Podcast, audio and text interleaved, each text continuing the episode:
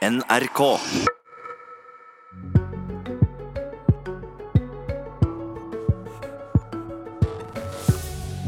Høyre vil ha opprør. Ikke mot bompenger, men mot dårlige skoler. Lokalpolitikere og skoleeiere gjør ikke jobben sin godt nok, mener de. Slutt å skulde på andre, svarer Arbeiderpartiet. Nå skal du få smake på et herlig ord. Skolebidragsindikator. Her kommer et forsøk på forklaring. Med denne indikatoren, eller disse tallene, forsøker en å finne ut hvor mye skolen bidrar til elevens utvikling. Tallene er justert bl.a. for foreldres utdanning og inntekt, og eh, disse tallene kom i slutten av mai. Mathilde Tybing-Gjedde i utdanningskomiteen på Stortinget for Høyre, du ble skremt. Eh, hvorfor det? Det er egentlig veldig skremmende å se hvor store forskjeller det er i Skole-Norge. Mellom kommuner som ligger rett ved siden av hverandre, men også mellom fylker. Og det betyr jo at fremtiden til barna våre er for avhengig av hvilken klasse man havner i, hvilken skole man begynner på, hvilken kommune man bor i. Og slik skal det ikke være, fordi man har rett på likverdig opplæring i, i Norge. Hvem er det som gjør det dårlig? Nei, Vi ser jo at eh, det er særlig eh, mange skoler i eh, de nordligste fylkene som ligger under grensen for hva man kan forvente at man skal kunne klare å løfte elevene.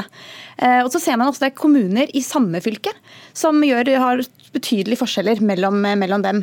Og Det sier jo noe også om eh, hvordan kommunene jobber som skoleeiere med å løfte elevene, med å satse på det viktigste for elevenes læring. Og Jeg er jo opptatt av at man kan lære av hverandre. At man ikke skal bagatellisere eller bortforklare ulike resultater, men at man hele tiden er opptatt av å strekke seg enda lenger. Eh, for det er rett og slett et eh, liksom, trussel mot eh, egentlig en demokratisk utfordring også. At så mange barn bor i noen kommuner hvor man nesten kan peke ut hvem som ikke kommer til å fullføre videregående. Og nå vil du at, ta tak og grep mot denne trusselen mot det mm. demokratiet, og vil at foreldre og elever som har dårlige skoler skal gjøre opprør. Og hvem er det de skal gjøre opprør mot? Nei, altså Det de må gjøre nå, er å gå til sin skoleeier, kommunene, lokalpolitikerne, og spørre hva gjør man med de store forskjellene. Hvorfor er nabokommunen bedre? Hvorfor presterer ikke barna bedre i lesing, i regning, i de grunnleggende verktøyene man trenger eh, resten av, eh, av livet? Eh, for det er ingen tilfeldighet. Det er måten man jobber på. Og vi har jo sett kommuner som greier det. Kommuner som har ligget ganske lavt nede, men har klart gjennom systematisk arbeid å bygge seg oppover. Innenfor samme fylke eller i nabokommunen. Mm, Torstein Tvedt Solberg Solberg i utdanningskomiteen på Stortinget for Arbeiderpartiet. Er det grunn til å ha et opprør mot skoleeiere og lokalpolitikere i, skole, i kommuner som har dårlige skoler? Det er jo ikke tvil om at eh, lokalpolitikken og kommunene er viktig for en god skole. Men det jeg reagerer litt på, er at når Høyre da nå offentliggjør en ny rapport, så maner de til opprør mot kommunene. Jeg mener egentlig at det opprøret burde rettes heller mot eh, regjeringen og Stortinget. Det er regjering og storting som har hovedansvar for nesten alt i skolepolitikken. Det er vi som legger på en måte rammene og sier hva, hva som er viktig. og Når da på en måte Høyre går ut og først liksom stempler én av fem skoler som dårlige, og når en da stiller seg spørsmålet hvem har ansvar for å rydde opp i dette, ja, da peker en ensidig på kommunene uten å ta ansvar selv. Jeg synes kanskje Høyre burde starte med seg selv, og for det første ikke snakke ned norsk skole. Men Tvedt Solberg, hvis ei kommune år etter år gjør det dårligere enn eh, nabokommuner, og De får jo akkurat like vilkår fra regjeringa. Bør en ikke da stille lokalpolitikere og skoleeiere til ansvar? Jo, Selvfølgelig skal de stilles til ansvar, men jeg syns det er helt feil av Høyre å skyve alt ansvaret på kommunene. For å ta Finnmark som et eksempel, eller eh, Nord-Norge som et eksempel som Mathilde og bruker her. De kommer dårlig ut på denne skolebidragsindikatoren, men det er òg den delen av landet som har flest andel ukvalifiserte lærere i klasserommet. De er de som sliter aller aller mest med den lærermangelen vi nå ser. Og De kan jo ikke lokalt trylle fram flere lærere. Det er det vi nasjonalt som må fikse.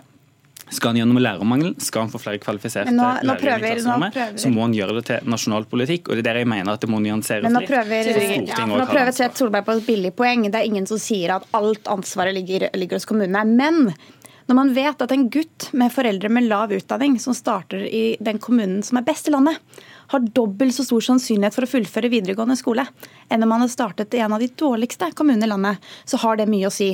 Men dere får jo ikke gode lærere i Finnmark. Eh, ja, det, det tror jeg mange lærere i Finnmark vil, vil reagere på. Jeg, ikke nok, da, men jeg er helt enig i at det er, sikkert, det er helt åpenbart en av grunnene. Men det er åpenbart en av grunnene. Det er ingen tvil om det. Det er årsaker til store forskjeller. Men du har også kommuner i, i Finnmark som også takket være regjeringens satsing på etter- og videreutdanning har klart å styrke kompetansen til sine lærere og har klart å få bedre resultater. Så Det er, det er, liksom, det er vel en demotiverende signal å sende til lokalpolitikerne og ikke minst til velgerne der ute. At det ikke betyr noe hvem som styrer oss i nord. Jo, det gjør det. Man kan klare det hvis man er sulten og har ambisjoner. Vekk fra det som er ansvaret til regjeringen. Det er regjeringen og Stortinget som legger de store rammene. Og det å ja, offentliggjøre en stor skolebidragsindikator som sier at én av fem skoler ligger bak, som Høyre bruker til å stemple til å rangere, er, er, helt feil hvis en ikke er villig til å ta en del av ansvaret for at det ser sånn ut. Ja, Tvedt Solberg, Du mener at denne, disse tallene, denne skolebidragsindikatoren, eh, altså ikke har så mye verdi. Hvorfor ikke? Nei, altså Denne nye skolebidragsindikatoren, som jo først er et veldig vanskelig navn som en lett snoffer snofler litt i, er jo et, eh, liksom et nytt påfunn fra, fra Høyre, innført av sjefsideolog Røe eh, Isaksen. Og jeg mener Dette er unødvendig måling.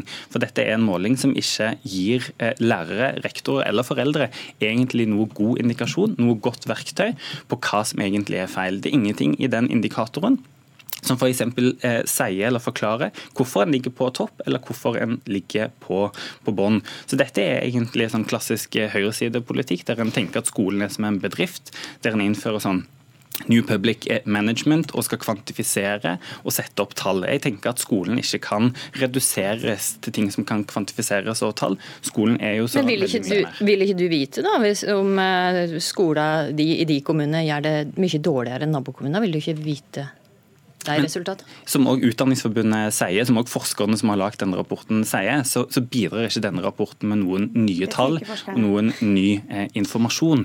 Dette er ikke noe, dette vet skolene allerede. De skolene som ser at er helt riktig. Det som, det som er forskjellen, det som jeg syns er bra med disse indikatorene, som er veldig overraskende at Arbeiderpartiet ikke anerkjenner, er at jeg er ganske uinteressert i ja, om en skole har elever som har fem i snitt. Det sier egentlig ingenting om kvaliteten på skolen. For ofte kan det bety at de har fått veldig gode elever eller har foreldre med høy utdanning. Du kan ha en skole med elever med mange, med mange treere, som er mye mer imponerende. Fordi at de har hatt elever som kanskje akkurat har kommet til Norge, eller elever som kanskje ikke kunne så veldig mye norsk for de begynte på skolen, eh, og som har klart å løfte disse elevene. Og Det er de jeg er opptatt av å lære av. Og det er det kanskje skolebidragsindikatorene klarer å bidra med. Og jeg syns det var ganske mange overraskende funn. Jeg syns det var overraskende at Oslo gjør det dårligere på ungdomsskolen enn på barneskolen. Eh, det er et overraskende funn. Så det er et verktøy for kommunene. Men det som overrasker meg med Arbeiderpartiet, er at de har aldri har stått på barrikadene for å ha åpenhet om resultatene i skolen. At foreldre skal vite hvordan det går med eh, barna sine, hvilken skole de går på. Og jeg er opptatt av at man hele tiden strekker seg lengre. Fordi det er ikke akseptabelt med så store forskjeller. Og det hjelper ikke å legge denne rapporten i en skuff eh, hvis man skal gjøre noe med de forskjellene. Problemet er ikke offentliggjøring. Problemet, Nei, men problemet er Mathilde, er jo akkurat det du gjør nå. Nå sier du at eh, ungdomsskolen på Oslo Oslo er, er, dårligere. Og det er, det er, men det er det heller ingenting belegg for. Det er ingen belegg for å trekke jo. så bastante konklusjoner ut fra denne skolebidraget. Nei, men det er flere indikatorer. La Tvedt Solberg snakke ut nå. Og Problemet synes jeg, er at en eh, her setter sammen ting og prøver å finne de tingene som bare kan redusere skolen til det som kan måles. Og skolen er så mye mer. Skolen sitt formål, og denne indikatoren for eksempel, den måler jo ikke på de praktisk-estetiske fagene. Men det er ingen som og alle, alle, de tingene som òg er viktige i, i, i, skolen. Og da får en ikke med det hele bildet. Og det, okay, som, er, det som er synd, er at disse nei, tallene brukes på den samme måten den, som Mathilde sier, til å stigmatisere. Nei, og det er stigmatiseringen og stemplingen som jeg mener er problemet. det, det som er stigmatiserende, det er hvis du er en, la oss si en gutt med foreldre med lav utdanning og går år etter år etter år på en skole hvor det blir en arena for nederlag fordi man ikke fanger opp tidlig. Det er mer stigmatiserende enn at, det, at man har offentlighet om informasjon og kunnskap om skolene. Men, denne men, jeg vil, jeg vil kommentere det du sier. Vent litt øyeblikk. Jeg gjorde et kjapt søk i A-tekst, og der viste at disse tallene hovedsakelig ble brukt til én ting, nemlig å si at denne skolen er god, denne skolen er ikke god. Mm. Er det, er det uheldig? Altså, det er uheldig at det lages uh, sånne saker hvis det oppleves stigmatiserende. Men jeg syns det er mer uheldig dersom man ikke har kunnskap om hvordan det, hvordan det står til i Skole-Norge. At man ikke har kunnskap om hvordan man skal følge opp barna. Men, men det er jo si, dette Høyre må være med å ta ansvar for. For når denne rapporten offentliggjøres, så er det statsminister i Norge Erna Solberg fra Høyre som går ut og oppfordrer nettopp foreldre til å bruke den og på den måten. Og Resultatet er av den såkalte ansvarliggjøringen din, er at en får denne type stigmatisering og stempling. Altså, Jeg tror ikke skolen i Telemark eller Finnmark blir bedre av å nok en gang bli fortalt de er dårlige. De Nei, men jeg tror heller ikke barna får det bedre hvis man ikke åpner om resultatene. Og det er 8000 som går ut uten å kunne lese, skrive og regne på ungdomsskolen. Men denne rapporten hjelper ikke de. Denne rapporten gir ingen ny informasjon til lærerne eller foreldrene som gjør at de kan hjelpe disse elevene til å bli bedre. Det til kommunene skoleeier. Derfor trenger vi ikke denne rapporten, for den er helt unødvendig. Der må jeg si takk, Torstein eh, Tvedt Solberg fra Arbeiderpartiet og Mathilde Tybring-Gjedde. Så får vi se om det blir et eh, skoleopprør. Mye tyder på at eh, bompengeopprøret er litt mer i vinden. Abonner på Politisk kvarter som podkast, og få sendingen rett til din mobil.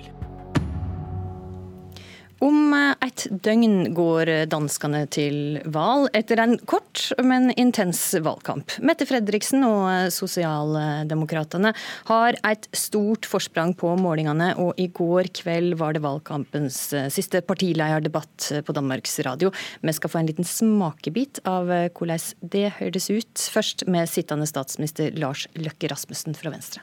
Det der bekymrer meg, det er jo hvis fløyene dikterer. Og af det kan man jo lære, at Mette Frederiksen har tænkt sig at regere på den yderste venstrefløj, altså en socialistisk politik. Mette har selv foreslået skattelettelser på 5 milliarder. Den der fuldfinansierede klimaplan og alt det søde, du taler om, enhedslisten, det er skattestigninger på 45 milliarder kroner. Det kommer til at gøre Danmark fattigere. Det vil jeg meget gerne svare på, fordi det er jo hele årsagen til, at jeg beder om danskernes mandat til at danne en socialdemokratisk mindretalsregering. Der er ikke et parti, vi kan det hele med, men vi kan meget med mange. Ja, Det sa altså Mette Fredriksen, partileder for Sosialdemokratene. Politisk kommentator her i NRK, Magnus Takvam, du følger sjølsagt eh, det danske valget tett. Nær 60% til rød blokk og litt over 40 til blå, viste siste måling. Mye tyder på at det går mot et skifte i Danmark. Og vi hørte Fredriksen si her at hun eh, vil danne ei mindretallsregjering. Men hva for parti er det hun blir avhengig av hvis da disse målingene viser seg å eh, bli et eh, nært valgresultat? Ja, det er de to eh, partiene på venstrefløyen som heter Enhetslisten og Sosialistisk Folkeparti, eh, som begge er varianter av det norske SV og, og Rødt. Eh, og så er det det eh, liberale, radikale partiet som heter Radikale Venstre. Eh, disse tre samarbeidspartiene og Sosialdemokratene har flertall på meningsmålingene i øyeblikket, så alle regner med at uh, Mette Fredriksen får dette flertallet. Men at det vanskelige uh, blir etterpå å bli enige om en plattform. Ja, Hvorfor vil ikke Mette Fredriksen ha med seg, ha med seg flere parti i en regjering og prøve å få til en flertallsregjering?